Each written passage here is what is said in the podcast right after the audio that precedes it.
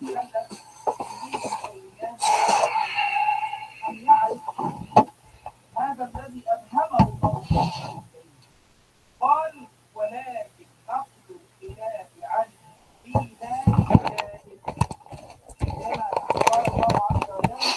عليكم ورحمة الله وبركاته.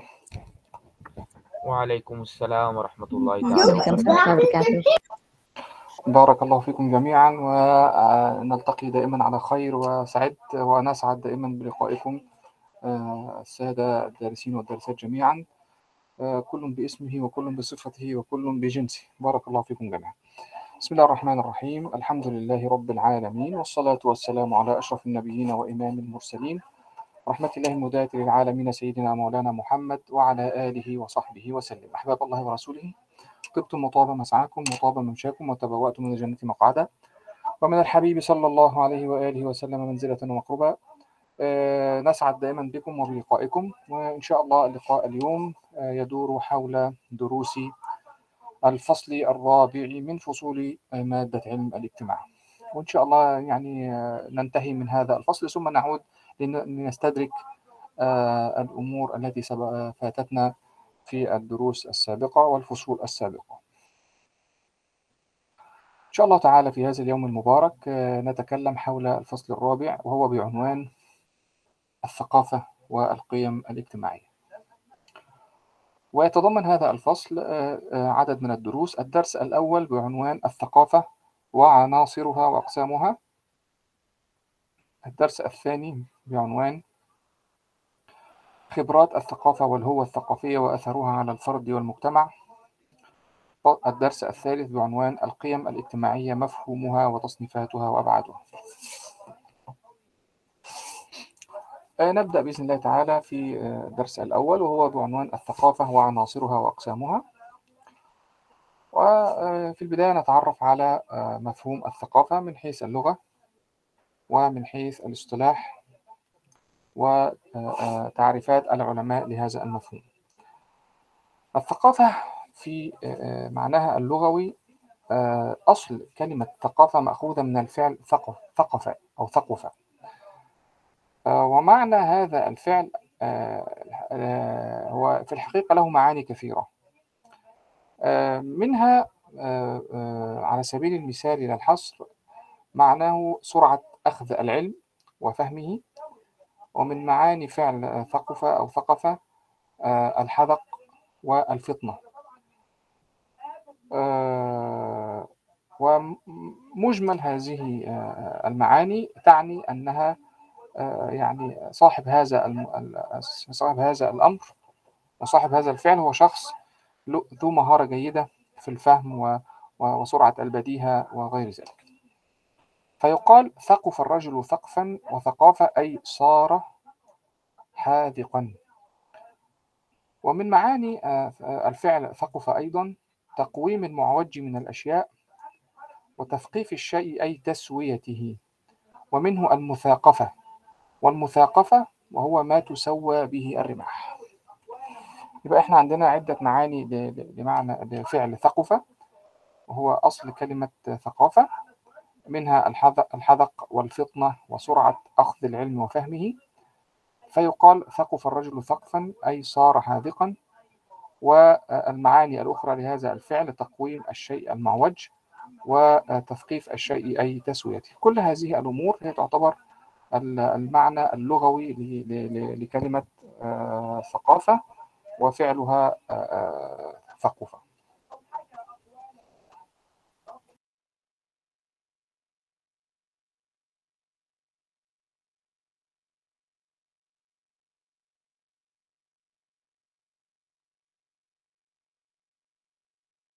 إيه، ننتقل بعد ذلك إلى التعريف الاصطلاحي. طبعا هناك العديد من المفاهيم والمعاني اللغوية لهذا الفعل منها إدراك الشيء والظفر به ومنها التهذيب والتأديب وهكذا. كل هذه الأمور تعتبر من المعاني اللغوية لمفهوم أو كلمة آه، ثقافة. ننتقل بعد ذلك إلى التعريف الاصطلاحي. طبعا كنت عايز أقول لحضراتكم إن التعريف الاصطلاحي آه، هو ما اصطلح عليه العلماء. يعني إيه اصطلح عليه يعني ما اتفق عليه العلماء وكأن مثلا الفقير إلى الله له رأي وحضرتك أيها ال- ال- ال- الأستاذ حسن مثلا لك رأي والأستاذ هشام له رأي. و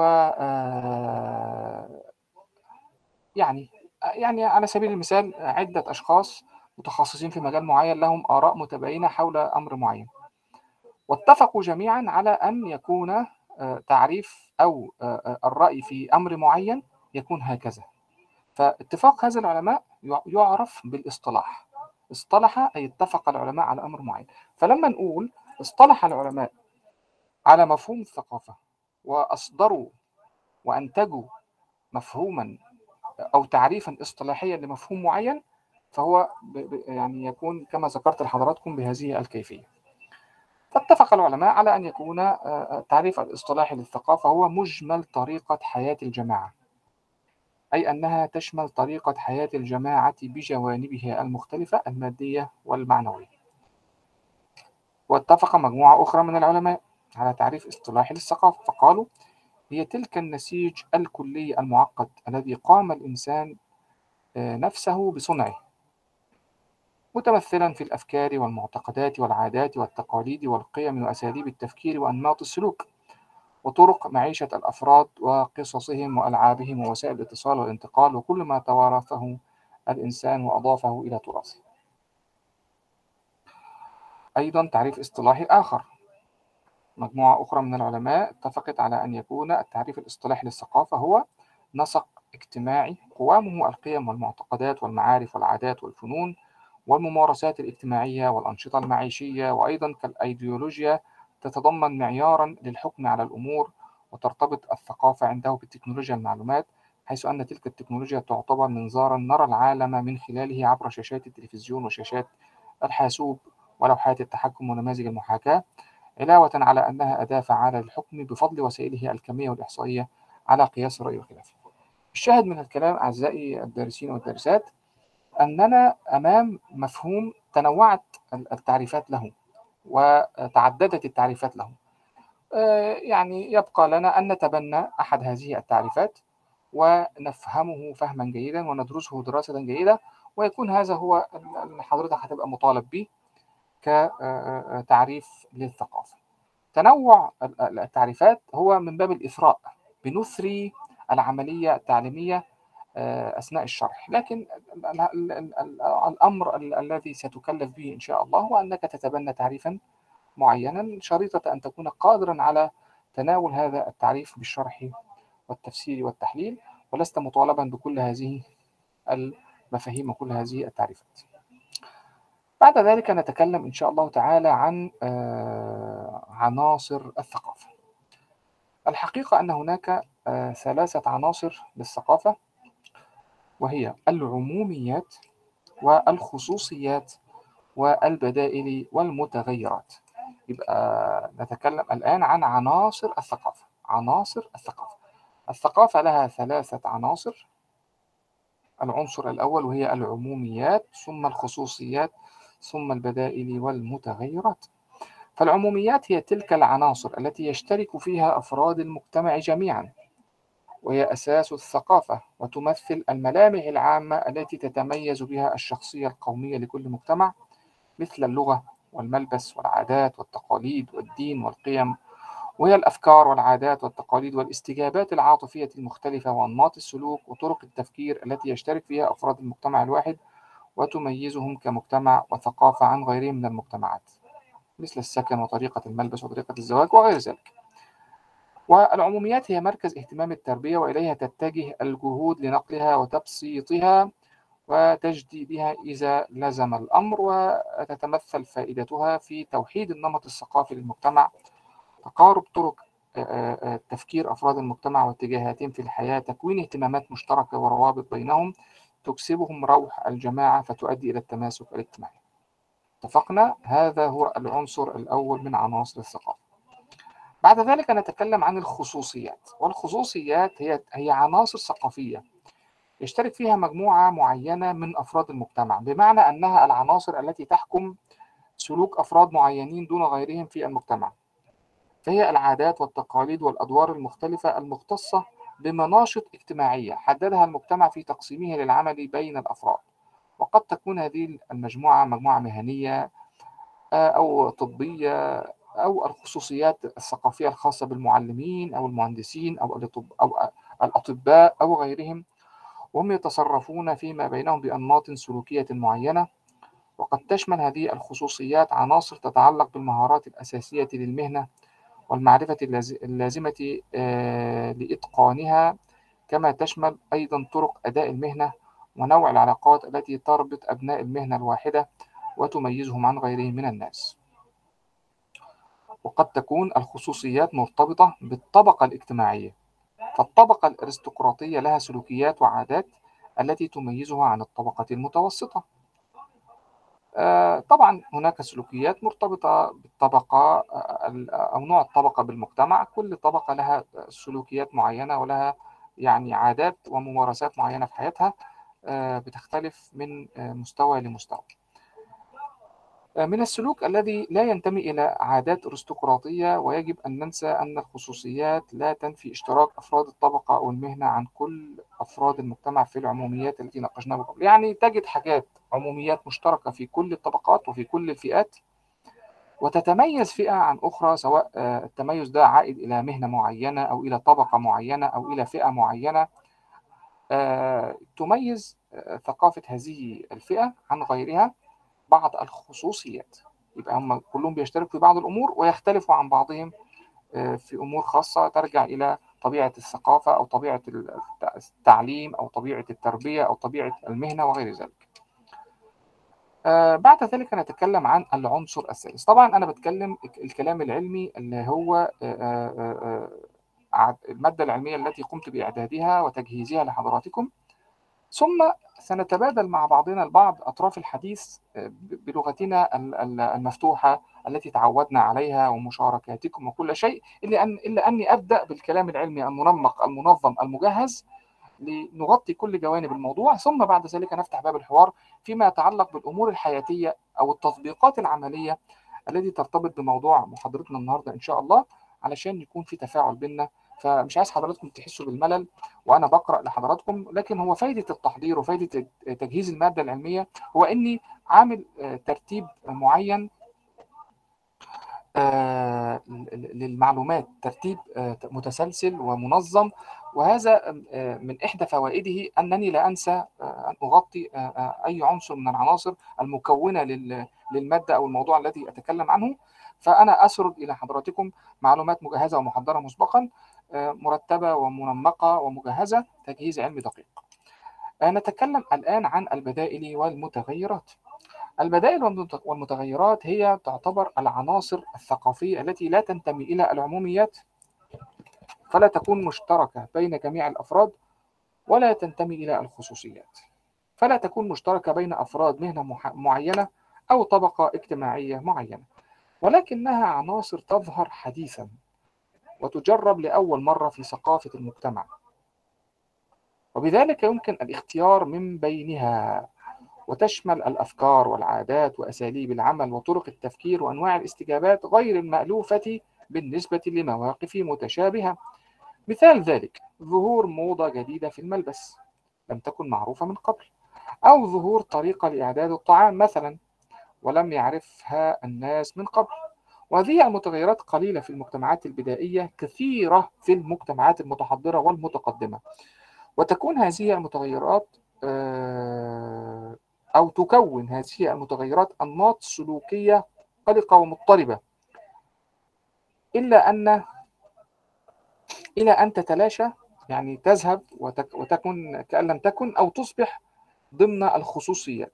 وتتسم هذه البدائل بالقلق والإضطراب إلى أن تستقر على وضع وتتحول فيه إلى خصوصيات أو قد تتصاعد وتصبح من العموميات آه، الثقافية فهي تمثل العنصر النامي من الثقافة. الحاجة اللي بتنمو ومش بتتوقف عند حد معين في مكونات وعناصر الثقافة هي البدائل والمتغيرات حيث أن البدائل دائما تتجدد ودائما تظهر ودائما ودائما تتغير وهكذا. فيعتبر بيس- بيسمي العلماء العنصر الثالث من عناصر الثقافة اللي هي البدائل والمتغيرات بأنها العنصر النامي من عناصر الايه الثقافة. طيب تعالوا نتكلم شوية عن العوامل توحيد الثقافة. يعني إيه هي الحاجات اللي بتساعد على توحيد الثقافة أو العناصر الثقافية ضمن نظام واحد داخل مجتمع معين أو داخل بيئة معينة؟ منها المعتقدات. الحقيقة المعتقدات بتمار بتمارس دورا هاما جدا في توحيد العناصر الثقافية أو على الأقل ب- ب- بتجمع المجتمع أو غالبية المجتمع على بعض الممارسات التي يعني تجعلهم يتحدون في بعض المواقف على عناصر ثقافية معينة. كيف ذلك؟ طبعا كلنا بنمارس عباد عباداتنا الجماعية بشكل معين. مثل عبادة الصلاة عبادة الصيام عبادة الحج آه، وهكذا.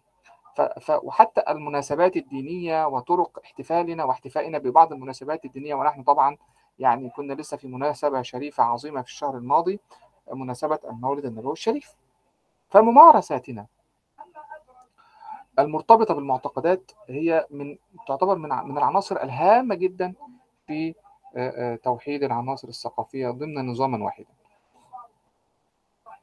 وهكذا مثل الاحتفالات الرسمية والمناسبات الرسمية القومية المرتبطة بمجتمع معين أو ببلد معين أو بقطر معين آه، دي تعتبر من عوامل توحيد العناصر الثقافية ضمن نظاما واحدا يبقى عندنا الممارسات الدينية وعندنا الطقوس والاحتفالات الرسمية المرتبطة آه، بمجتمع معين زي ما ذكرت لحضراتكم. طيب نت- نتكلم بعد ذلك عن مراحل دخول آه، الثقافة الجديدة. إحنا اتكلمنا حضراتكم عن العنصر الثالث من عناصر آه، الثقافة وهو البدائل والمتغيرات كيف يتحول ال- العنصر آه، آه، الجديد من العناصر الثقافية التي تقع ضمن البدائل والمتغيرات كيف يستدمج؟ يعني إيه يستدمج؟ يعني يدخل ضمن ضمن العناصر الأساسية في الثقافة إما أن تكون العموميات أو الخصوصيات. لكي يتحول العنصر الثقافي الجديد من كونه مجرد بديل أو مجرد عنصر ثقافي جديد إما أن يثبت وإما أن أن يذهب كأن لم يكن بيمر بعدة مراحل لكي يثبت ويستدمج داخل العناصر الثقافية الأساسية. ما هي المراحل التي يمر بها؟ المرحلة الأولى هي العرض وكأنك تعرض سلعة. فإذا حدث قبولا لهذه السلعة نما آه، قبولها آه، آه، بين الناس. يعني لقت قبولا عند البعض. وإذا زاد القبول وانتشر واتسعت رقعة قبول هذا العنصر الثقافي الجديد بعد عرضه يتحول بعد ذلك إلى تضمين. التضمين. التضمين هنا أعزائي وأحبابي الدارسين والدارسات هو عبارة عن إن أنا ببدأ أدخله ضمن العناصر الثقافية فإما أن يكون ضمن الخصوصيات أو يكون ضمن الإيه؟ ضمن العموميات. فيمر العنصر الثقافي الجديد بعدة مراحل أولها العرض ثم القبول آه، ثم التضمين. طيب لو هو بقى آه، آه، في يعني بعد مرحلة العرض رفض ونبذ ولم يلقى قبولا ولم يلقى استحسان من أفراد المجتمع أو غالبية أفراد المجتمع فلا لن يصل إلى المرحلة الثالثة وهو التضمين. بل سيذهب سدى زي ما اتكلمنا مع حضراتكم وإحنا بنشرح العنصر الثالث إما أن يعني البدائل والمتغيرات إما أنها تدمج وت- وت- وتدخل علينا عناصر ثقافية جديدة أو يعني إيه آه، نتوقف عند مرحلة العرض ثم يعني تختفي هذه العناصر الجديدة و و و وتنسى بعد ذلك. طيب آه، نتكلم الآن عن فوائد وأهمية الثقافة. الحقيقة أن الثقافة لها عدة فوائد آه، كثيرة منها أنها تكسب أفراد المجتمع شعورا بالوحدة وتهيئ لهم سبل العيش والعمل دون إعاقة أو اضطراب. آه، رقم اثنين آه، تمد الأفراد بمجموعة من الأنماط السلوكية فيما يتعلق بإشباع حاجاتهم البيولوجية مثل المأكل والمشرب والملبس والمنكح ليحافظوا على بقائهم واستمرارهم. آه، الفائدة الثالثة هعود لحضرتك أستاذ محمد بس أكمل بقية هذا الدرس ثم نتكلم إن شاء الله عن مداخلاتكم وإيه ومشاركاتكم. الفائدة الثالثة من فوائد الثقافة أنها تمدهم بمجموعة القوانين والأنظمة التي تتيح لهم سبل التعاون والتكيف مع المواقف الحياتية وتيسر سبل التفاعل آه، بدون أن يحدث هناك آه، نوع من الصراع أو الاضطراب. الفائدة الرابعة تجعل الفرد يقدر الدور التربوي الذي قامت وتقوم به ثقافته حق التقدير خاصة إذا اختبر أو اختبر ثقافة أخرى غير ثقافته من عادات وتقاليد تطغى على وجوده. الفائدة الخامسة تقدم للفرد مجموعة من المشكلات التي أوجدت لها الحلول المناسبة وبذلك توفر عليه الجهد والوقت بالبحث عن حلول لتلك المشكلات. آه، رقم ستة آه، تقدم للفرد تفسيرات تقليدية مألوفة بالنسبة لثقافته يستطيع أن يحدد شكل سلوكه على ضوئها فهي توفر له المعاني والمعايير التي بها يميزون بين الأشياء والأحداث صحيحة كانت أم خاطئة؟ عادية كانت أو شاذة؟ وهي أيضا تنمي لدى الفرد شعورا بالانتماء والولاء فتربطه بمجتمعه آه، آه، رابطة الشعور الواحد.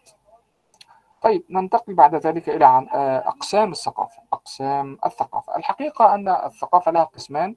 القسم الأول هو الثقافة المادية. ويقصد بالثقافة المادية الثقافة المحسوسة التي تتضمن كل ما ينتجه الإنسان ويمكن اختباره بواسطة الحواس مثل المساكن والآلات والملابس ووسائل المواصلات. والقسم الثاني من أقسام الثقافة الثقافة المعنوية ويعنى بالثقافة المعنوية الثقافة غير المادية التي تتضمن العرف وقواعد السلوك والأخلاق والقيم والتقاليد واللغة والفنون والمعتقدات وكل العناصر النفسية التي تنتج عن الحياة الاجتماعية. إلى هذا الحد نكون قد انتهينا من الدرس الأول. ويعني تناولنا في هذا الدرس أقسام آه، الثقافة وفوائد وأهمية الثقافة ومراحل دخول الثقافة الجديدة أو العناصر الثقافية الجديدة. وتناولنا أيضا عوامل توحيد العناصر الثقافية وتكلمنا أيضا عن عناصر الثقافة وتعريفات الثقافة من حيث اللغة والاصطلاح. نفتح باب المناقشة إن شاء الله حول هذا الدرس.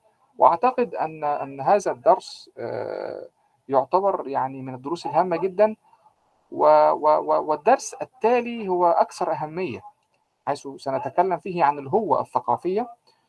والدرس الثالث نتكلم فيه عن أمر هام جدا وهي القيم الاجتماعية الهامة جدا في حياتنا. فدعونا نأخذ الأمور بالتدريج.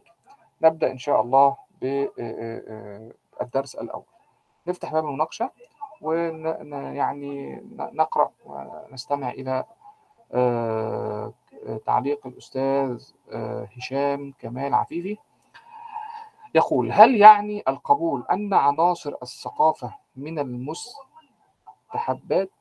آه، أرجو أن حضرتك لو في إمكانية تفتح المايك وتشرح لنا وجهة نظرك. ويعني خلي مشاركات حضراتكم من خلال المايك إذا كانت الأمور تسمح. ما سمحتش يعني آه، آه، حاول أنا أفهم من إيه من كتابات حضراتكم في الرسائل. في فرصة إن حضرتك تتكلم يا أستاذ هشام؟ أيوه يا دكتور. بعد. حضرتك. تعرف بنفسك يعني كان. سؤالي عن. عن عن عناصر الثقافة. هل عناصر نتعرف بيك الأول لا تتعجل حاضر يا دكتور. ماشي. هشام كمال عفيفي مصري ومقيم بكندا. يا أهلا وسهلا بسيادتك. اتفضل يا أهلا بحضرتك يا دكتور آه، سؤالي عن عناصر الثقافة اللي هم نعم. الثلاث عناصر المختلفة العموميات والخصوصيات والمستجدات أو المتغيرات. بدائل ومتغيرات هل- نعم تمام. هل آه، آه، معنى كلمة القبول؟ يعني مثلا حضرتك قلت في تعريفك عن المتغيرات إن هي بتمر بمراحل ومن من ضمنها أن تلقى قبولا؟ نعم. فهل العرض القبول معناه العرض ثم القبول ثم التطبيق العرض نعم. ثم القبول نعم.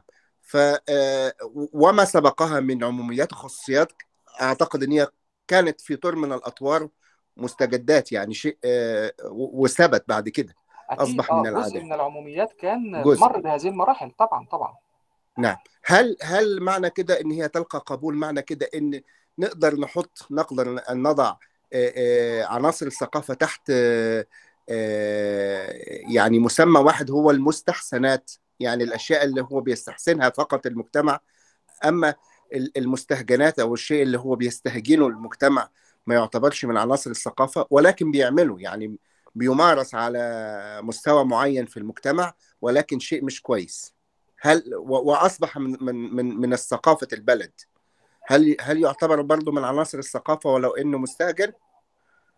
ما هو حضرتك يعني غالبية ال- سلوك الناس هو اللي بيحكم على شكل ثقافة المجتمع.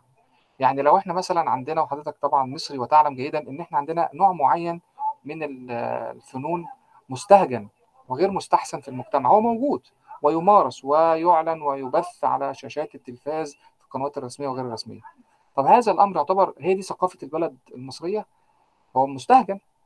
ولكن لا يعتبر جزء من ثقافتنا لأن لو لو لو قعدنا الأمور لنصابها وحصل تحكيم ونقول هذا يدخل ضمن الثقافة المصرية أو لا يدخل ضمن الثقافة المصرية هنستبعد هذه الأمور. خلينا نقول إن هي هوجة أو موجة معينة وتذهب لحالها لا تبقى وتستقر ضمن الوجدان وضمن ال- ال- العناصر الثقافية الأساسية لهذا البلد سواء كانت عموميات أو خصوصيات. يبقى إحنا بنجاوب دلوقتي على الجزئية بتاعه المستهجنات اللي هي ممكن تكون موجودة وتمارس داخل المجتمع ايا كان هذا المجتمع عربي آه، آه، إفريقي أوروبي ايا كان. لكن الحاجات اللي بتستقر ويعني إيه وتصبح ضمن أساسيات ثقافة مجتمع معين آه، هذا الأمر هو اللي بي اللي بنسميه بقى إيه بنسميه قبل من المجتمع ثم بدأ يدخل آه، تدريجيا لكي يجد مكانه بين العموميات أو الخصوصيات. خدت بال حضرتك؟ لكن ليس نعم. كل ما هو مستحسن آه، يدمج داخل الثقافة. ما هو الاستحسان ده درجات. ما هو الاستحسان العام يعني لقى استحسان ضمن المجتمع ككل. طب الاستحسان ده آه، يعني مرحلة من القبول أو جزء من القبول لكن علشان يستدمج لازم يخش على المرحلة الثالثة. يعني الاستحسان ده جزء من القبول. طب أنا عايز قبول تام عشان أنتقل إلى المرحلة الثالثة وهي التضمين. تمام؟ فالاستحسان هو جزء من القبول. إذا است... الاستحسان ده آه، كمل معايا واستقر وبقى موجود هيتدرج ويصعد حتى يصل إلى مرحلة القبول العام. ثم بعد ذلك نبدأ مرحلة جديدة وهي مرحلة التضمين. لأن ممكن يبقى في قبول بس لسه ما دخلش جوه ثقافتنا. لسه ما دخلش جوه ثقافتنا لأن بيحصل معارضة على فكرة. يعني بيحصل آه، آه، لأن الإنسان من من طبيعته أنه يبتعد عن كل ما هو جديد. ويبتعد ويعادي كل ما هو آه، ليس على علم ودراية به. فالإنسان عدو ما يجهل. عشان نصل إلى مرحلة التضمين عامل زي ابتكار علاج جديد كده. طبعا ابتكار أي علاج جديد واللي من حضراتكم آه، له علاقة بالفنون والعلوم الطبية يعلم أن العلاج الجديد بيمر بمراحل كثيرة جدا وتكاليف باهظة جدا عشان نطلع علاج جديد لأي مرض من الأمراض. عافانا الله وإياكم. كذلك الثقافة. عشان تستدمج عنصر جديد بياخد وقت طويل قوي قوي قوي يعني المجتمعات القديمة آه، ليها طبعا آه، يعني تاريخ كبير قوي آه، زي مصر مثلا من المجتمعات القديمة في العالم لها يعني يعني لها أصول ثقافية كثيرة منها ما هو باقي ومنها ما هو يعني اندثر وحلت محله أمور جديدة وهكذا. فأتمنى يا أستاذ هشام إن أنا أكون إيه وضحت ال- الفكرة اللي معاليك ولو في أي إضافة تتفضل يعني. نعم يا دكتور جزاك الله كل خير. يعني نستطيع الله. أما الزبد فيذهب جفاء. وأما ما ينفع الناس فيمكث في الأرض. هيمكث في الأرض. أحسنتم بارك الله فيكم. حتى لو في شيء مثلا مش كويس بيعيش فترة معينة إلا إنه بيذهب ويولي آه، عنا و- وإن شاء الله ربنا يطهر مجتمعاتنا ويطهر بلادنا من كل شيء غير مفيد وكل شيء ضار وكل شيء غير نافع لأن الحقيقة يعني الأمور آه، زادت عن حدها. بس نسأل الله السلامة ومقاومتنا كناس مثقفين كناس متعلمين كناس إصلاحيين آه، لا نساعد في نشر هذه الأمور ونكافحها قدر المستطاع كل على قدر استطاعته. آه، العبد لله مثلا من خلال آه، طلابي وتلاميذي واللقاءات اللي بعملها مع حضراتكم وكل الدارسين بوجه رسالة تربوية معينة أو رسالة ثقافية معينة آه، وأؤكد عليها. وهكذا في كل في ميدانه إن شاء الله. ربنا سبحانه وتعالى يوفقنا وإياكم لكل خير ويدفع عنا وعنكم كل شر. آه، ننتقل بعد ذلك إلى ال- ال- التعليق الثاني. الأستاذة نزيش يعني آه، صلحوا لي كده إن كنت آه، مش عارف أقرأ الاسم. نعم صحيح أستاذ. نازيش إيه بقى؟ نا... نازيش إيه؟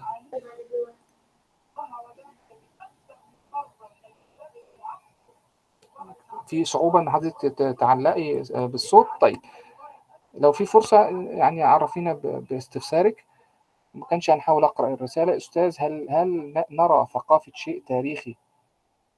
فبسبب أحوال العالم كل الثقا- الثقافات تخالطت طبعا طبعا يعني أستاذة نزيش إن ال ال ال ال الانفتاح اللي حصل من خلال آه، تكنولوجيا الاتصالات والمعلومات ومن خلال آه، سهولة آه، يعني التداخل بين الحضارات والثقافات بتجد إن في عناصر ثقافية بتفرض نفسها على بعض المجتمعات.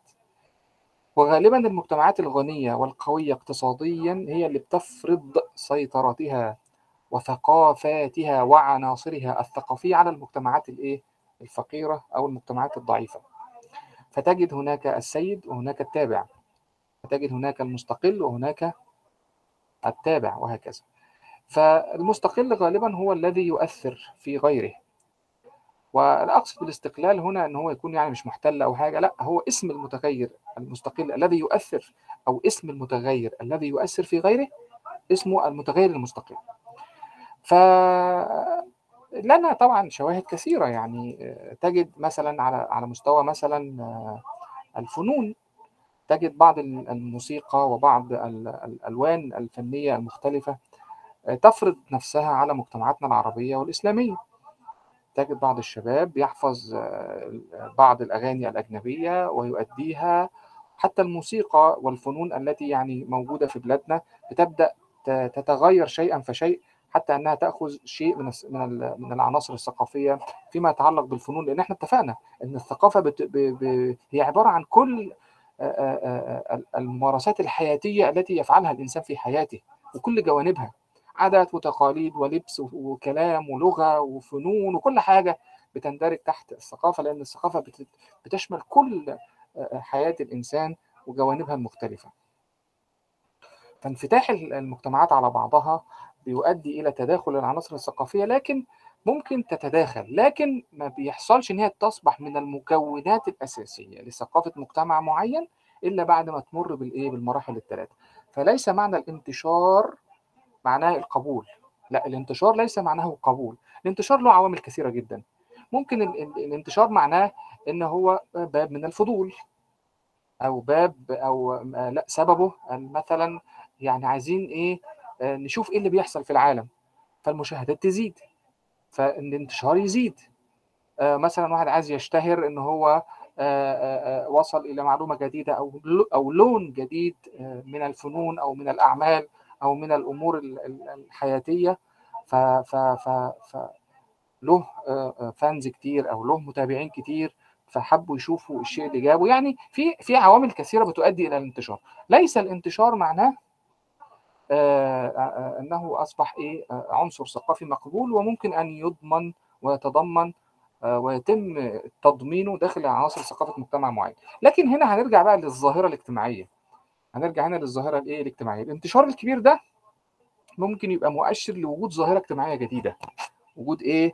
وإحنا اتفقنا إن بال بال بال بالمعايير الحديثة ها إن إن الظاهرة إذا إذا كانت من ال- ال- الفعل ال- ال- اللي هو إحنا عايزين نحكم عليه إن هو ظاهرة ولا ولا مش ظاهرة. إذا كان أصبح ترند مثلا لفترة معينة فده يعتبر من الظواهر الاجتماعية. ثم بعد ذلك نبدأ بقى نحكم عليه. إن كان له آثار سلبية يتحول من كونه ظاهرة إلى كونه مشكلة اجتماعية. ما كانش له جوانب سلبية فهو يتوقف عند كونه ظاهرة اجتماعية وهكذا. طيب نعود إلى موضوعنا. فانتشار الثقافة ليس معناه إن هو ضمن عناصر ثقافة ثقافة مجتمع معين وأساس من أساسياته. لكن إذا الموضوع تطور وأصبح يعني بيمارس بشكل مستقر داخل المجتمع وبقى شيء مألوف وعادي وطبعا ده ما بيكونش ما بين يوم وليلة ولا شهر ولا سنة فالأمور بت إيه بتتحول شيئا فشيء حتى تتغير ثقافة بعض المجتمعات من شكل معين إلى شكل آخر. آه، ونسأل الله إن هو يكون الشكل الأفضل يعني نسأل الله إن هو يكون الشكل الأفضل. لكن مع اللي إحنا شايفينه حاليا يعني إحنا في عندنا حالة من التدهور الأخلاقي والثقافي نسأل الله إن هو يعود الم- ال- المسار إلى طبيعته وإلى يعني إيه إلى ال- المسار السليم إن شاء الله. طيب آه، جزاكم الله خيرا أستاذ هشام. آه، آه، سؤال نزاشة نازيش. ها هنا في أمريكا لا أرى ثقافة قوية في العموم إلا بشكل سطحي. اسمي نازش من أمريكا. شكرا لك. نعم. طيب يعني طبعا آه، أمريكا من المجتمعات المفتوحة والمجتمعات ال- التي بها جنسيات ويعني آه، ألوان و- وأشكال مختلفة جدا من الطوائف ومن آه، المواطنين والوافدين وغير ذلك. فلكن على فكرة في مبادئ في المجتمع الأمريكي وأي مجتمع في مبادئ وفي عناصر ثقافية أساسية آه، بنيت عليها هذه الحضارة وبنيت عليها هذه البلاد. طبعا أمريكا من البلاد المستحدثة. ولكن مع استحداثها فهي دولة لها يعني تواجد قوي في العالم تواجد اقتصادي وتواجد سياسي وتواجد عسكري. لكن المواضيع دي المواضيع الثقافية دي بتقاس أكتر في المجتمعات العريقة القديمة المجتمعات العريقة القديمة زي الصين مثلا زي الهند زي البلاد ال- الإسلامية والعربية القديمة زي مثلا بعض البلاد الإفريقية زي مصر وهكذا. الأمور الثقافية بت- بتجدها لها وجود قوي يعني يعني تجد مثلا إن شكل اللبس في في بعض البلاد له شكل معين زي إنجلترا مثلا وبعض البلاد التابعة إلى التاج البريطاني. يعني اللي تجد إن طبعا إيه الأمور دي بتبان أكتر في البلاد القديمة والبلاد اللي لها ثقل ولها ولها يعني آه، عمر. طيب آه، كده استمعت لآراء حضراتكم ولو في أي إضافة جديدة آه، يعني نرحب بها. ثم هبدأ أناقش معاكم بعض الحاجات. آه، هننتظر شوية لو في أي استفسار أو في أي تعليق من حضراتكم ثم بعد ذلك هعرض عليكم بعض الأمور عشان ناخد رأيكم فيها.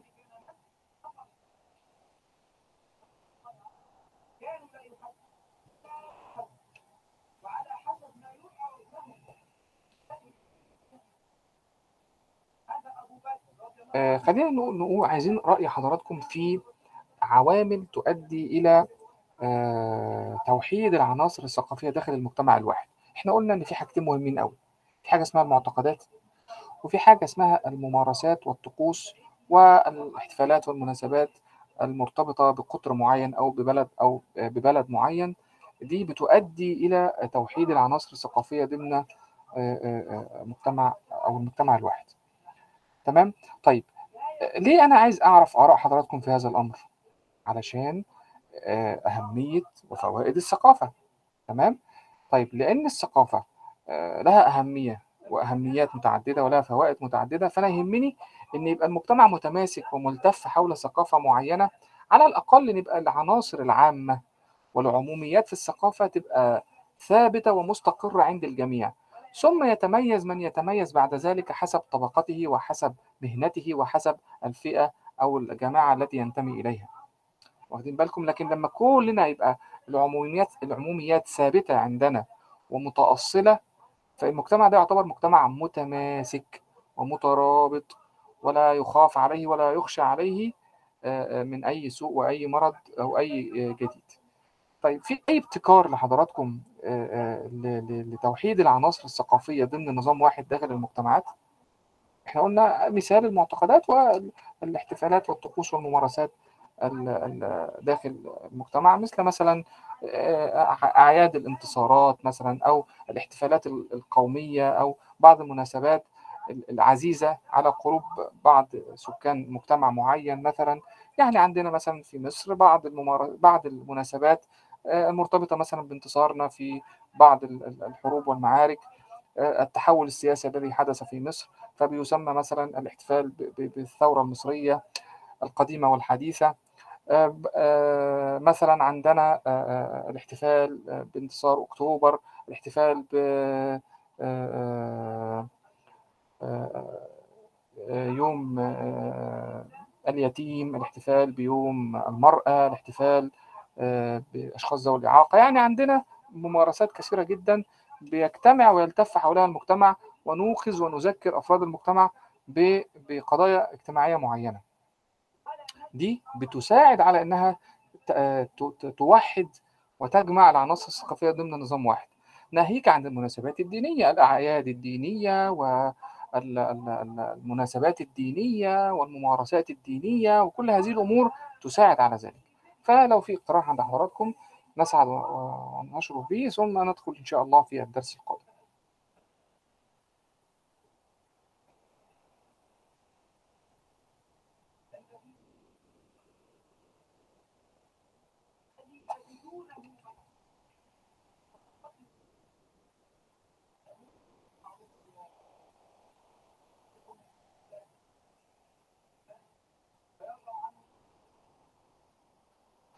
طيب آه آه، مفيش مشاركة لحضراتكم في هذا الأمر. يعني على مدار ال- ال- المحاضرة إن شاء الله لو حب لو في حد من حضراتكم وردت إلى ذهنه فكرة معينة في هذا الشأن طبعا يعني نسعد بمشاركته إن شاء الله.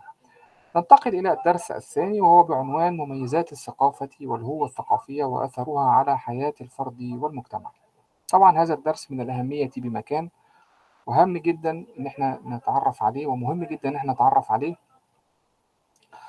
ونتعرف على آه، يعني مكوناته لأن طبعا هو بيمس آه، قضية هامة جدا داخل المجتمع وهي قضية الهوة أو الجاب الثقافي داخل المجتمعات لأن هو بمثابة شرخ يتم داخل المجتمع وقد يؤدي إلى يعني آه، مشاكل كثيرة جدا داخل المجتمعات ولأفراد هذه المجتمعات.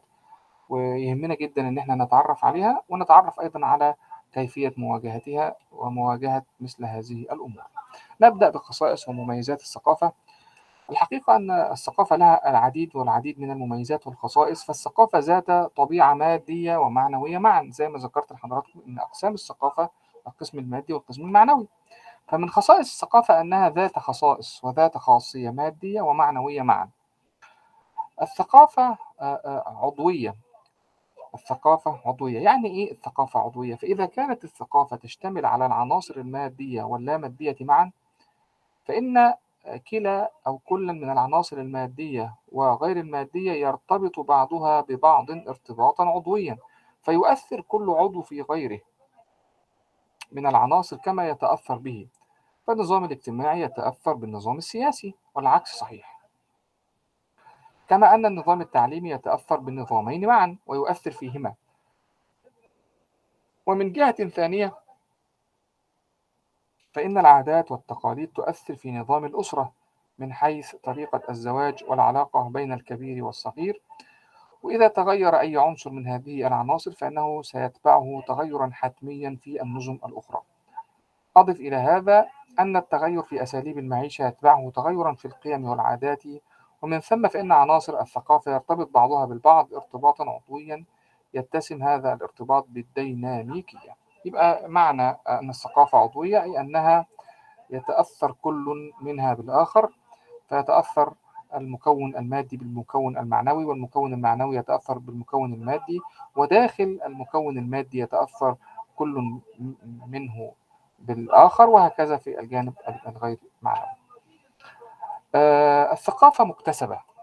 طبعا ده واضح جدا لأن إحنا لما قلنا إن في عناصر بتستدمج داخل آه الثقافة فهي عناصر مكتسبة. إما أنها مكتسبة من من مجتمعات جديدة أو ظهرت بالفطرة. وظهرت من خلال الممارسات والتفاعلات بين أفراد المجتمع. فالثقافة في جزء كبير من جزء كبير جدا منها مكتسب. فالثقافة لا. لا يولد الإنسان بثقافة ولكنه يكتسبها من خلال تفاعله مع أفراد المجتمع وتتطور وتتجدد مع الاحتكاك ومع التطور وتغير ومرور الزمن. أيضا الثقافة تراكمية. الثقافة تراكمية. يعني إيه تراكمية؟ يعني أنها تتراكم خلف بعضها البعض وتكون يعني مبنى أو تكون بناء ثقافي كبير. فالثقافة ليست يعني عنصر ثم حينما يأتي عنصر جديد يمحو من قبله. فالتراكم هنا أنها عناصر تتراكم فوق بعضها البعض وتتراكم بعضها مع بعض. فلا يأتي الجديد ويمسح ويحذف القديم وهكذا. من من مميزات وخصائص الثقافة أن أنها أن هناك إمكانية لانتقال عناصر الثقافة بالاحتكاك. طبعا كلنا بنستشعر هذا الأمر. بمعنى إيه؟ بمعنى إن أنا لو عايش في مجتمع معين لفترة من الزمن سواء كنت أنا المجتمع الذي وفدت إليه أتيت إليه بغرض المعيشة أو بغرض التعليم أو بغرض العمل أو غير ذلك. ثم جلست ومكثت فيه فترة من الزمن ثم قدر الله وعدت إلى وطني مرة أخرى. بالتأكيد الحال الذي ذهبت به إلى هذا البلد الجديد لن يكون مثل الحال حينما أعود. فحينما أعود أعود وأنا قد احتك يعني احتكيت بثقافة جديدة وبأفراد ومؤسسات جديدة مختلفة عن مؤسسات مجتمعي. فبالتأكيد سأتأثر. وحينما أتأثر سأؤثر أنا أيضا في من أتعامل معهم بعد ذلك. فيمكن انتقال عناصر الثقافة بالاحتكاك وتمر بالخطوات التي اتفقنا عليها ودرسناها سويا. الثقافة إنسانية فهي من صنع الإنسان والثقافة تطورية أي أنها قابلة للنمو نحو الأفضل والأحسن. الثقافة متغيرة فهي لا لا تبقى على حال واحد فهي ليست جامدة بل إنها متغيرة. الثقافة تكاملية الثقافة تنبؤية. كانت هذه هي آه، مميزات وخصائص الثقافة. ثم الآن نبدأ في آه، الحديث عن الهوة الثقافية وأثرها على الفرد والمجتمع. طيب دعونا نبدأ بتعريف آه، مفهوم الهوة الثقافية.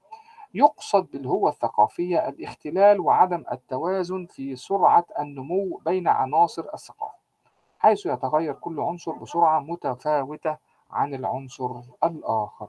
يعني مفيش توازن مفيش تناسق مفيش تناغم بين نمو العناصر الثقافية الموجودة داخل المجتمع. فتجد عناصر بتنمو بطريقة سريعة جدا وكبيرة جدا وعناصر وعناصر تنمو ببطء شديد وعناصر كما هي لا تتحرك. هذا الأمر يخلق يخلق شيء من الخلل ويخلق نوع من عدم التوازن الذي يؤدي إلى حدوث الهوة أو الجاب الثقافي. طيب أسباب الهوة الثقافية. الحقيقة أن هناك العديد من الأسباب التي تؤدي إلى الخلل وعدم التوازن في العناصر الثقافية داخل أي مجتمع. منها على سبيل المثال الاختلاف والتنوع في مصادر وأدوات المعرفة من مكان لآخر ومن جيل لآخر. يعني لما أنا أكون بعتمد في معلوماتي ومصادري وأدوات معرفتي على ال- ال- ال- المصادر والأدوات القديمة. ويكون معايا داخل نفس مجتمعي وداخل نفس آه، المؤسسة التي أنتمي إليها أو البلد الذي أنتمي إليه ناس بتستعين بأحدث المصادر وأحدث الأدوات للحصول على المعلومات والمعرفة. وطبعا الأمور هنا بتسير بخطى متفاوتة ومتباينة لأن تحصيلي أنا لما أعتمد على عناصر وأدوات ومصادر قديمة تحصيل مختلف تماما عن الذي يحصل على المعلومة وأدوات المعرفة من مصادر متطورة ومستحدثة ومتجددة. فيجعل آه، آه، هناك تباين كبير جدا في آه، آه، مستوى المعرفة بيننا. وبالتالي هيحدث صدام وشقاق لأن حينما نجتمع على أمر معين فأبدي رأيي حسب المعلومات والمصادر التي اعتمدت عليها.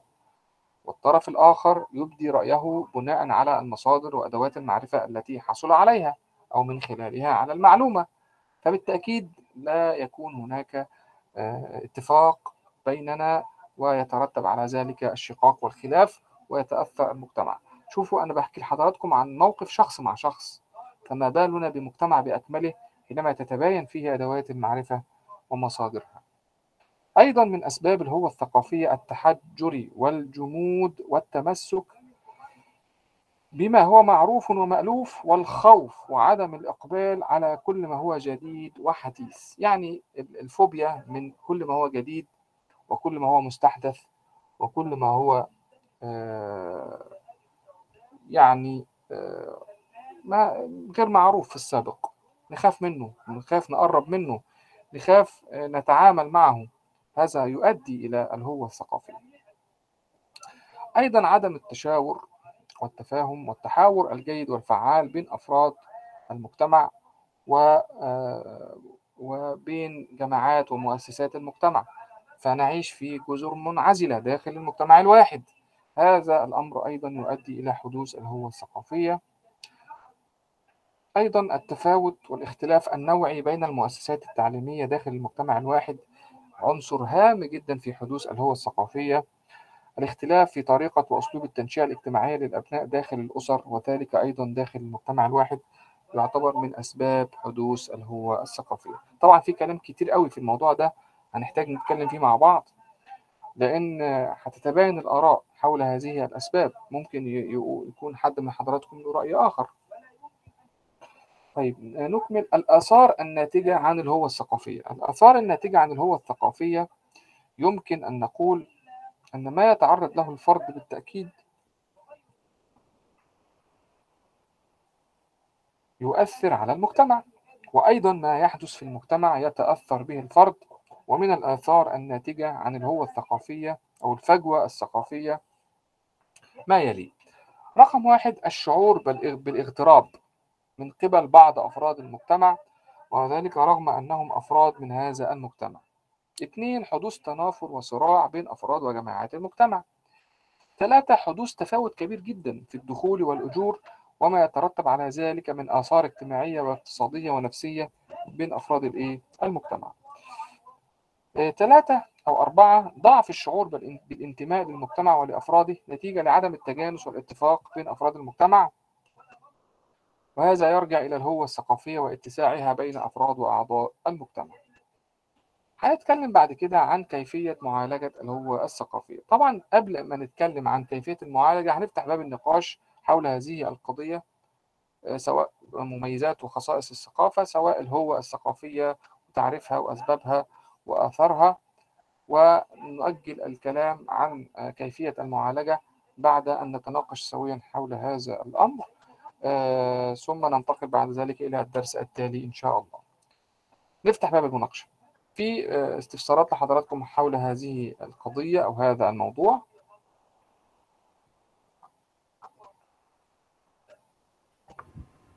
السلام عليكم ورحمة الله.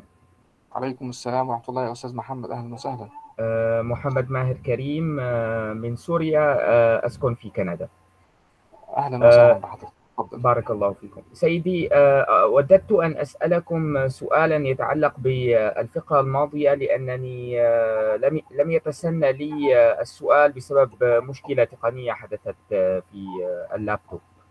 طيب هنا حضرتك هتسأل عن الدرس الماضي؟ الدرس السابق حاليا. الدرس اللي إحنا آه، كنا آه، نعم نعم. منذ قليل يعني. نعم. آه، نعم نعم. في هذا الدرس. نعم. آه، كثيرا ما آه، بارك الله فيكم. كثيرا ما أكد مشايخ وعلماء المسلمين على أهمية آه، آه، التمسك بالعادات والتقاليد آه، خوفا من أمور عديدة منها الوقوع في فخ العولمة آه، والإصطباغ بصبغة الآخرين. آه، ولا إله إلا الله. آه، ولكن آه، ما ما ما ماذا يمكن فعله أمام آه، العادات والتقاليد البالية التي تنتشر في الكثير من المجتمعات؟ ما ما ما ماذا يمكن حينها أن نفعل؟ بارك الله فيكم. بارك الله فيكم. أنا كان ليا سؤال طبعا طرحته لحضراتكم وهو كيف نوحد وما هي السبل وما هي الطرق التي من خلالها نستطيع أن نوحد عناصر الثقافة ضمن نظاما واحدا وهذا يعني يدفعنا حينما ننجح في هذا الأمر يدفعنا إلى الحصول على. والاستفادة من فوائد الثقافة يعني يعني لما المجتمع يكون متماسك مترابط له شكل له ميزة آه، ده آه، بي- بيجعل المجتمع متميز ويجعل المجتمع متماسك ومترابط وله سمعة على مستوى العالم يعني حينما مثلا على سبيل المثال بارك الله فيكم جميعا تأتي آه، سيرة المجتمعات آه، التي هي تقع في جنوب شرق آسيا مثل ماليزيا وأندونيسيا وبعض ال- البلاد الطيبة التي تكون في هذه البقعة. يعني سمعتها آه، سمعة طيبة جدا من حيث الأخلاق ومن حيث النظام ومن حيث حتى شكل الملبس. حينما يعني نرى تجمعات هؤلاء الطلاب ال- أبناء هذه البلاد داخل جامعة الأزهر حتى في شوارع وطرقات آه، بلدنا الحبيبة مصر آه، يعني لهم صبغة معينة ولهم شكل معين ولهم أسلوب معين حتى أنهم لهم آه، طريقة معينة في الكلام. طبعا ده بي- بيرجع إلى أن ثقافة هذه المجتمعات ثقافة متميزة ومحافظين على ثقافتهم. بصرف النظر إن إحنا يعني قادرين نتفاعل ونتجاوب معاهم أو لأ بس المجتمع له شكل وله ميزة وله آه، آه، آه، خصائص هو يحافظ عليها. حتى ولو هو وجد خارج هذه البلاد ووجد بعيدا عن بلده لأي ظرف من الظروف حتى إني سمعت أن طبعا نسأل الله سبحانه وتعالى أن يكتب لنا وإياكم حج بيته الحرام وزيارة النبي النبي صلى الله عليه وسلم عليه أفضل الصلاة والسلام. يعني أجد أن بعض الذين من الله عليهم بالحج حينما يجد تجمعات أبناء هذه البلاد في مواسم الحج من من أرقى و- وأطيب الناس الذين يعني يكونون في نظام وفي طبعا الحج والعمرة من من المناسك ومن العبادات التي فيها تجمعات كثيرة جدا وفيها يعني حشود. ووارد أن يحدث بعض الخلل ووارد أن يحدث بعض الفوضى الا انهم يعني يكونون يعني متميزين جدا بالنظام وال- والتعاون والنظافة وكل هذه الأمور وكلكم على رأسنا وفوق رؤوسنا إلا طبعا إن إن أنا بنقل لحضراتكم قد إيه المجتمعات لما تبقى متميزة ومتماسكة ومترابطة وليها آه، ثقافة محددة ولها سلوكيات محددة ما السلوك جزء من الثقافة.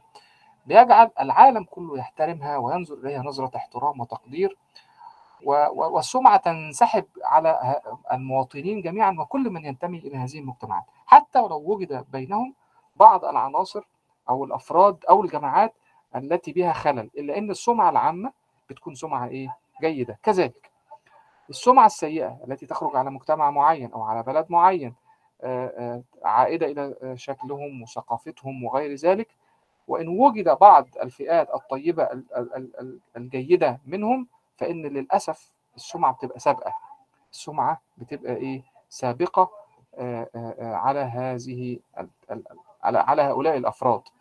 فسبحان الله فالمجتمع الذي يريد أن يحترم نفسه وي- ويجعل لنفسه تواجدا بين الأمم المتقدمة اخلاقيا واجتماعيا وثقافيا واقتصاديا وكل هذه الأمور تحافظ على شكلها وهويتها. لا تكون مسخا تأخذ من هذا البعض ومن هذا البعض ومن هناك البعض.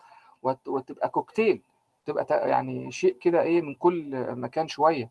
لأ لازم أنا أكون متميز واحافظ على آه، كياني وهويتي وثقافتي ولا مانع من أن من إني أضيف العناصر الجيدة لثقافتي مع الحفاظ على ال- الايه ال- الهوه آه، مع الحفاظ على آه، عفوا الهوية الثقافية لمجتمعي لأن أنا بتميز به وهذه وهذا من تفضل الله سبحانه وتعالى علي ميزني بشكل معين ميزني بخصائص معينة ميزني بموارد معينة جعلتني ليا شكل وطبيعة آه، معينة.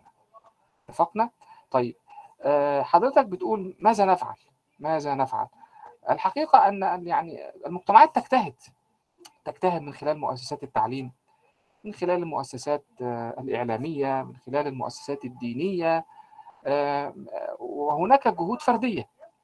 لكن الجهود المنظمة الحقيقة كنت نفسي يعني أستمع إلى هذا الكلام من حضراتكم. لابد أن تكون هي الأكثر تطبيقا لعلاج مثل هذه الأمور. يعني إيه الجهود المنظمة؟ يعني يبقى في ل- ل- لتحسين مستوى الثقافة داخل المجتمع. تكون سياسة عامة على مستوى الدولة أو على مستوى المستوى القومي.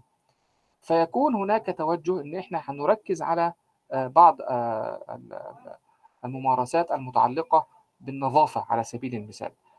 ونبدأ في تطبيقها في مؤسساتنا و- ومؤسساتنا آه، المختلفة في الدولة والمصالح الحكومية والمصالح الخاصة والطرقات والحدائق العامة والمدارس كل هذه الأمور يكون عندنا يعني آه، زي مبادرات مبادرات رسمية تتبناها الدولة وأجهزة الدولة المختلفة ويشارك فيها المجتمع المدني ويشارك فيها القطاع الخاص وكلنا نشترك لتحقيق هذه ونفعل هذه المبادرات. مثل هذه المبادرات هي من من العوامل التي تنشط تنشط بعض العناصر الثقافية التي اندثرت و- وخمدت داخل بعض المجتمعات لظروف ما لأننا نعيد إحيائها مرة أخرى.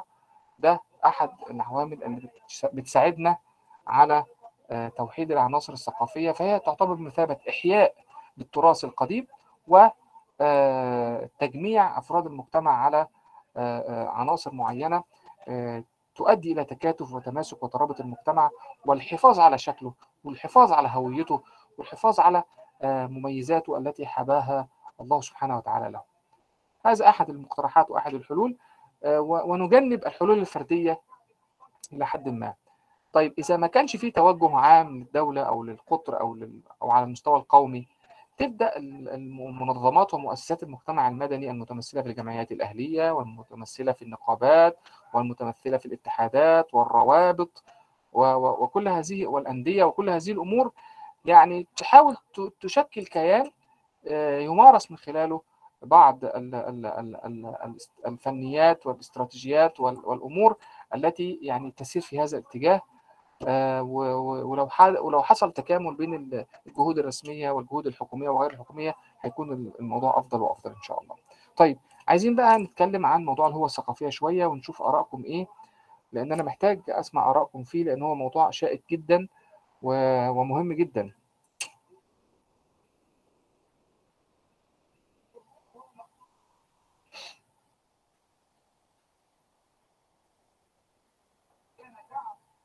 أستاذ إبراهيم، أستاذ محمد، آه، أستاذ حسن، الأستاذة آه، نازش، الأستاذ أو الأستاذة صالحة وهكذا.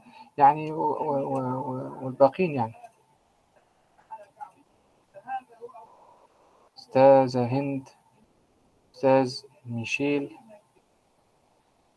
يعني نحب نسمع رأيكم أستاذة تقوى أستاذة ميساء. في موضوع الهوية الثقافية لأنه موضوع مهم. يعني آه، أنا عايز أعرف حضراتكم يعني آه، لكم أصول في بلاد معينة ثم انتقلتم إلى بلاد أخرى. الموضوع مرتبط جدا بيكم ومرتبط جدا بظروفكم يعني. فمن يعود آه، يعني حي حي حي يعني حي شايف من وجهة نظره هنحل المشكلة دي إزاي؟ طيب اللي مش هيعود هيعرف يتفاعل مع ثقافة المجتمع اللي هو عايش فيه إزاي؟ وهكذا يعني. أكيد آه، الموضوع لامس آه، عند حضراتكم آه، جوانب كثيرة جدا يعني. طيب لحين ما تكونوا بعض المشاركات هتكلم عن كيفية معالجة الهوية الثقافية آه، من المؤكد أنه إذا تم التغلب على الهوية الثقافية والقضاء عليها فإن ذلك يجعلنا نتخلص من الآثار الضارة الناتجة عنها.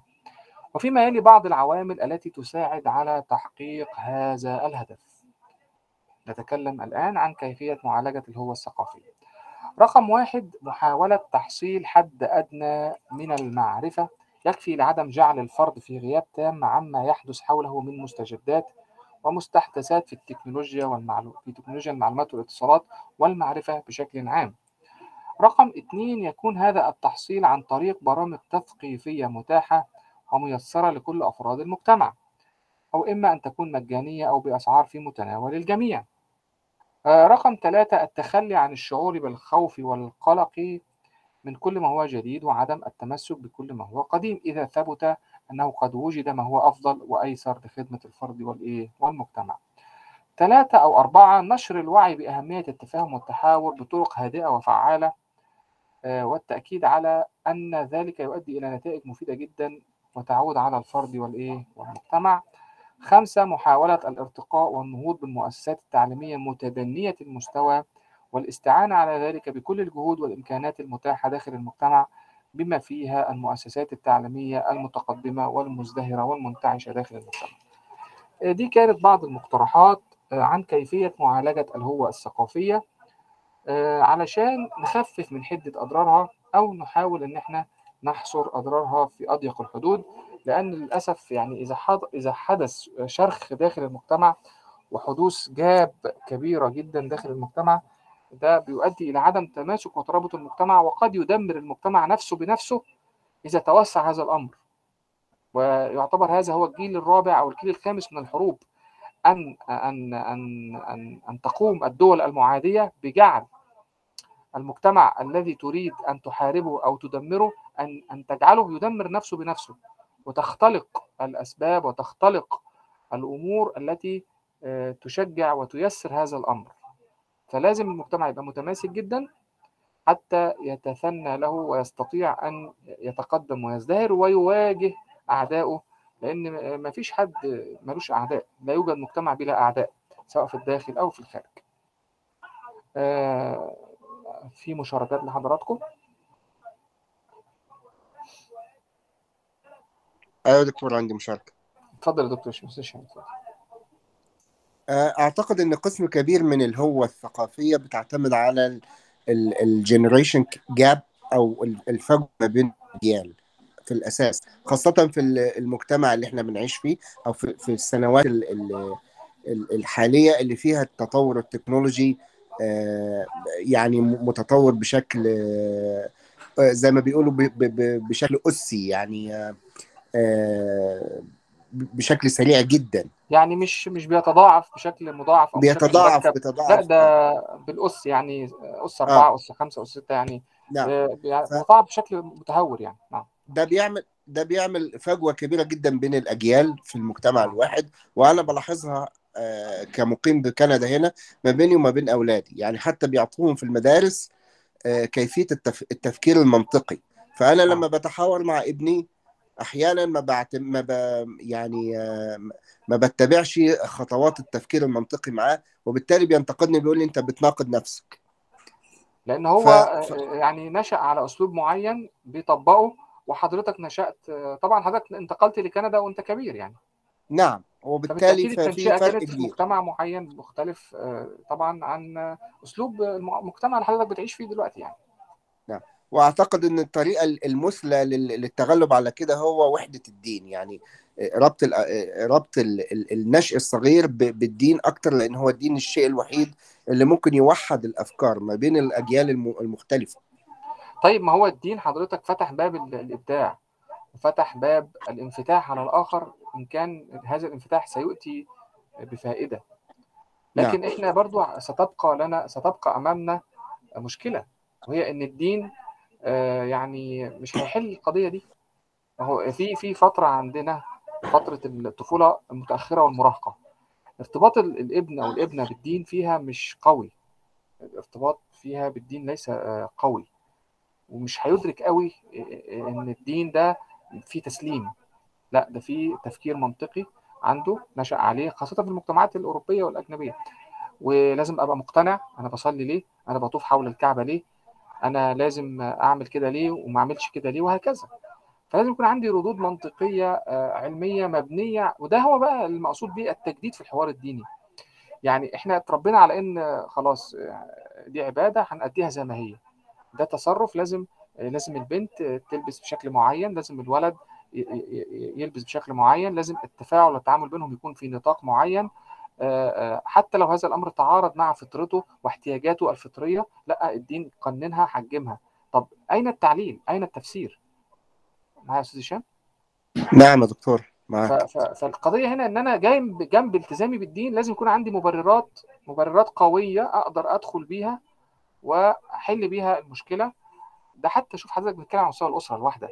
فإحنا بنك... إحنا عايزين يعني نحل الموضوع على مستوى المجتمع. اللي هو عبارة عن الآلاف وال... وال... وعشرات الآلاف من الأسر. فهي قضية كبيرة يعني خاصة في الناس المنفتحة على الثقافة الغربية. أنا يعني يعني إن حضرتك بتتكلم عن مجتمع حضرتك وفدت اليه طب ال- المجتمع الكبير اللي هو المفروض يكون هو متماسك هنا برضه تفكك للأسف تفكك. و- ف- وكيف لل... وكيف للأجيال القديمة إنها تلاحق التطور السريع اللي اللي نشأت عليه الأجيال الحديثة حتى تلحق به؟ يعني حتى تستطيع أن تكون على نفس المستوى الحوار وحتى أن تكون على نفس مستوى الفهم. كيف لها ذلك؟ والله أنا ليا أستاذ يعني يكبرني في السن بحوالي 30 سنة.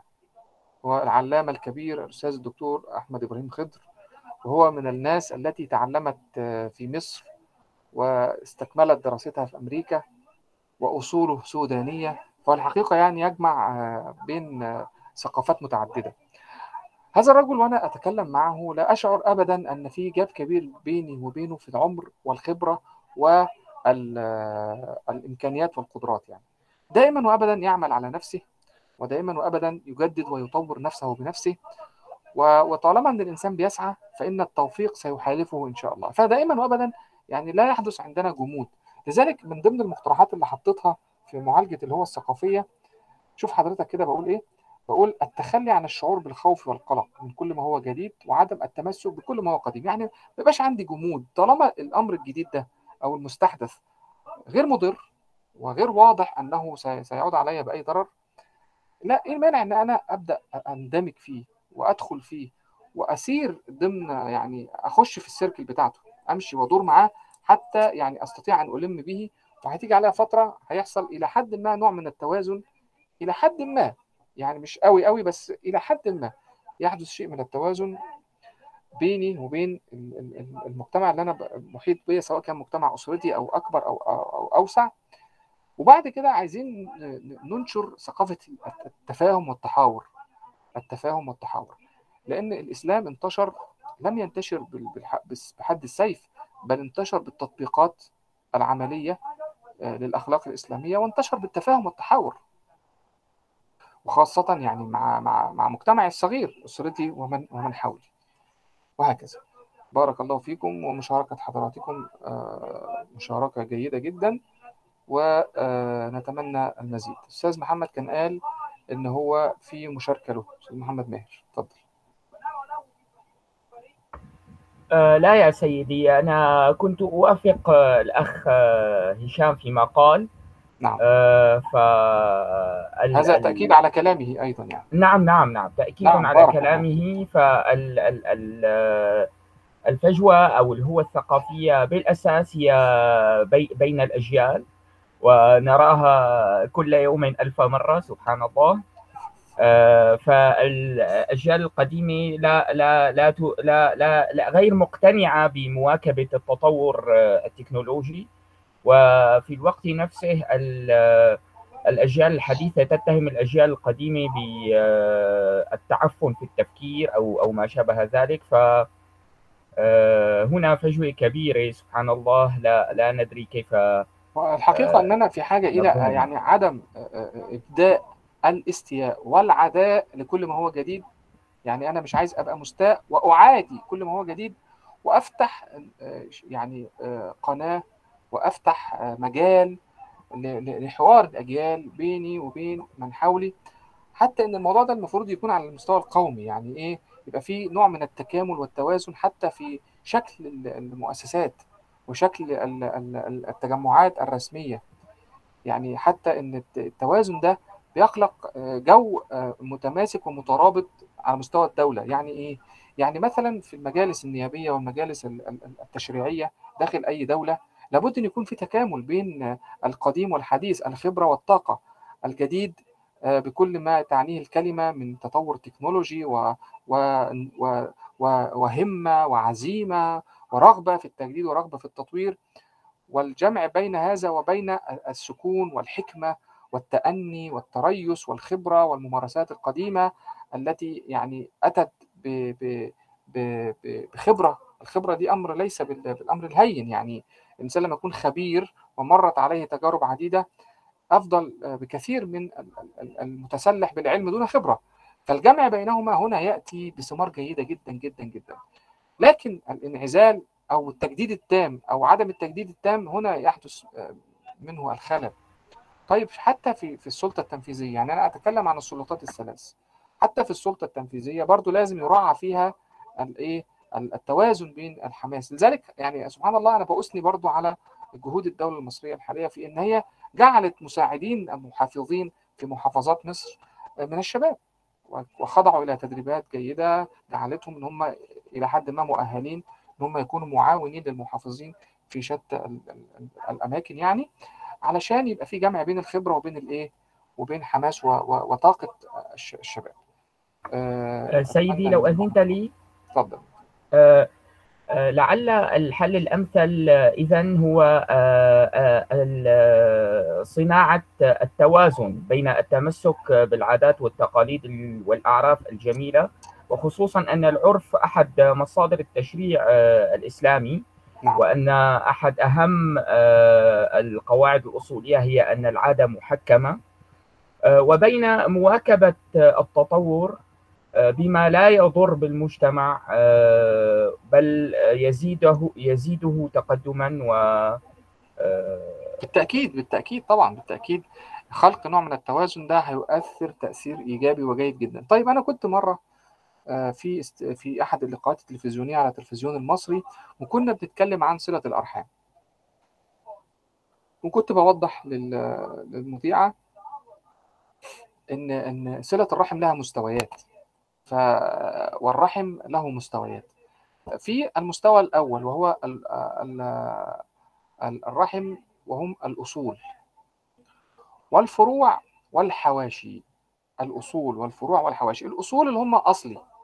أصلي أنا. فأنا مثلا لو هتكلم عن نفسي فرحمي لهم ثلاث مستويات. أصول وفروع وحواشي. الأصول هم الأب والأم والجد والجدة وكل من هو يعتبر من أصولي من ناحية الأب والأم وهم على قيد الحياة. لابد أن يكون هناك صلة رحم لهذه الفئة. الفئة الأخرى هم الفروع الذين يتفرعوا مني الإبن والإبنة والحفيد والحفيدة وغير ذلك. طيب الحواشي الأعمام والخالات وأبنائهم آه. وأنت يعني وأنت وأنت وأنت نازل بقى.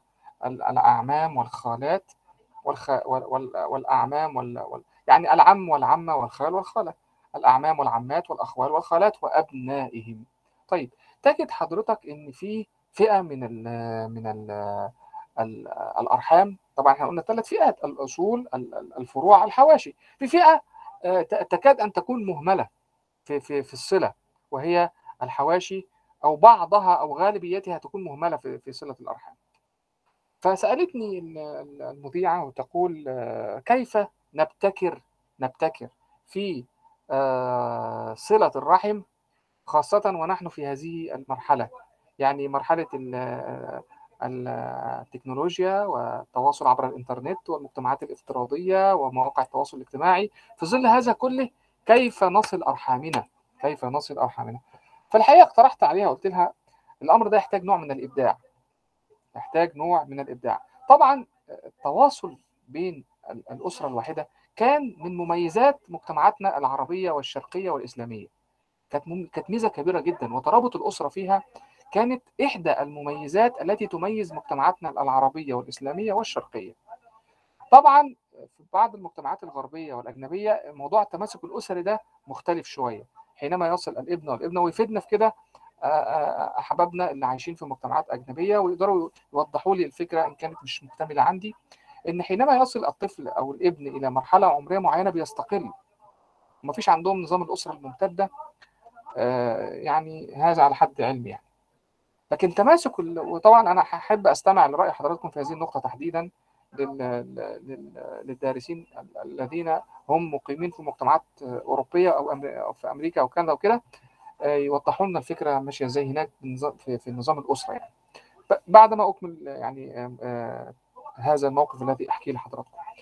فقلت لها هذا الأمر يحتاج نوع من الإبداع شوية. يعني إيه؟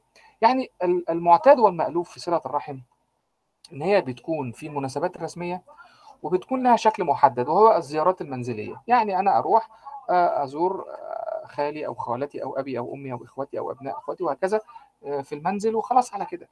بيكون الزيارة لطيفة ظريفة فيها تجمع فيها شوية كلام حوالين الصحة والدراسة والعمل ومش عارف إيه والكلام دوت.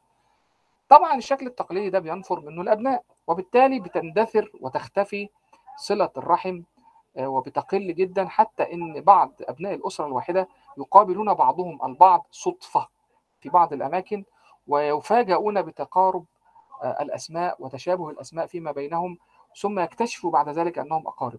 طبعا ده شيء طبعا يعني إيه شيء سيء جدا وغير محبوب.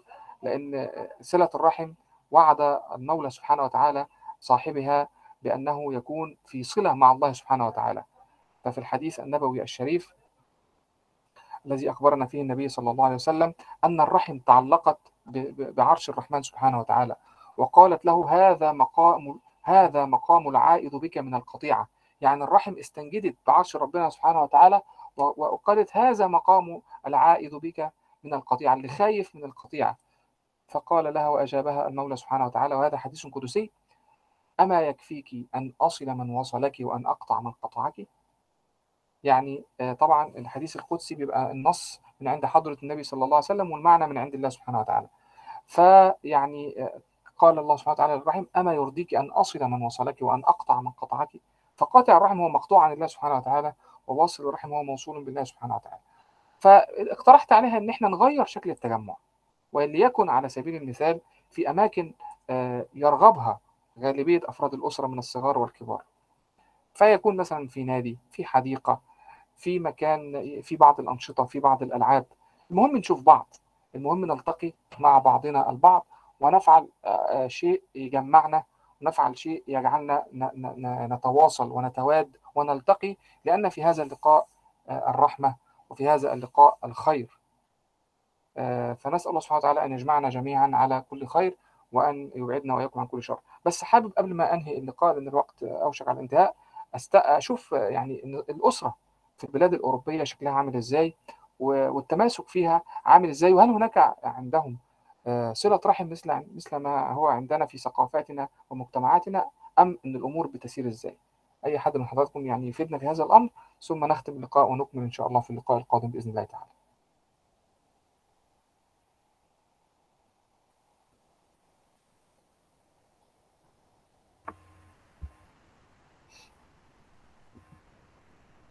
آه، سيدي آه، تفضل. هل تأذن لي؟ اتفضل أستاذ محمد اتفضل.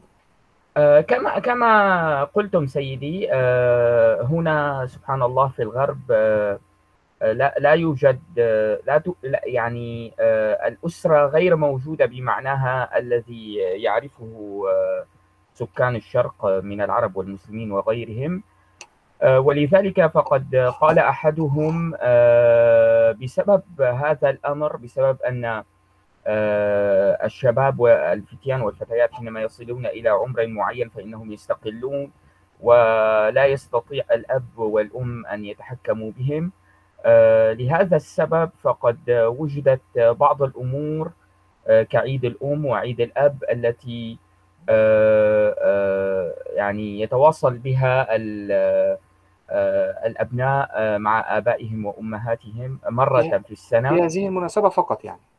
آه، نعم في في هذه المناسبة أو في بعض المناسبات الأخرى كأعيادهم آه، ال- ال- المعروفة آه، عيد رأس السنة وإلى آخره يعني شكل. الأسرة شكل الأسرة يعني شكل إن صح التعبير شكل سوري يعني في أب وفي أم وفي أبناء ولكن كل في في حاله وكل مع نفسه ولا الأمر الأمور ماشية إزاي يعني؟ يعني الأب الابن بيمكث مع أسرته لحد مرحلة إيه بالظبط؟ أو البنت 18 سنة آه، ويستطيعون أن يستقلوا بعد ذلك فلا, فلا يستطيع الأب والأم أن أن يتحكموا بهم أبدا. سواء صبيان أو آه، بنات؟ سواء صبيانا أو بناتا نعم. نعم. آه، وللأسف الشديد. آه، و- طيب ما آه، بيحتاجوش الأبناء دول لأسرهم في بعض الأمور المتعلقة بال- بالنفقات والفلوس وال- والإقامة والعمل والإنفاق يعني بشكل عام؟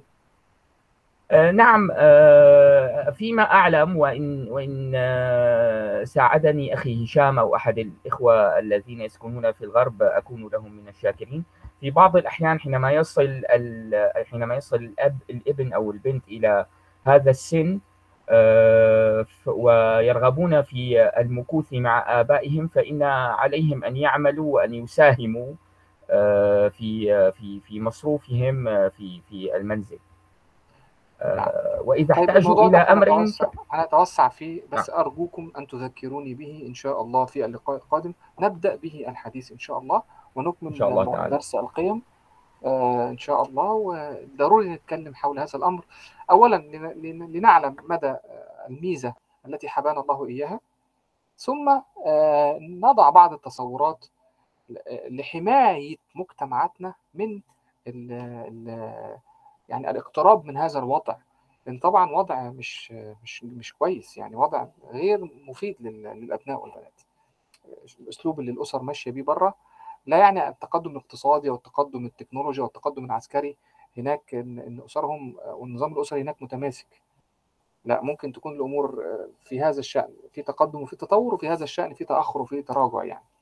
خلينا إن شاء الله نرجئ الحديث فيه والتكلم عنه إلى اللقاء القادم إن شاء الله. الحقيقة يعني سبحان الله الوقت مر معاكم سريعا وهي أنتم حضراتكم من الدفعات المتميزة اللي الواحد ما حسش بيها ما بيحسش من فضل الله سبحانه وتعالى معاها بمرور الوقت. يا يا ربنا سبحانه وتعالى يوفقنا ويوفقكم إن شاء الله لكل خير. آمين. آه إلى إلى أن نلتقي أترككم جميعا في رعاية الله وأمنه. والسلام عليكم ورحمة الله وبركاته. وعليكم السلام وعليكم ورحمة الله السلام ورحمة الله تعالى وبركاته. بارك الله فيكم وجزاكم الله وعليكم السلام ورحمة الله وبركاته.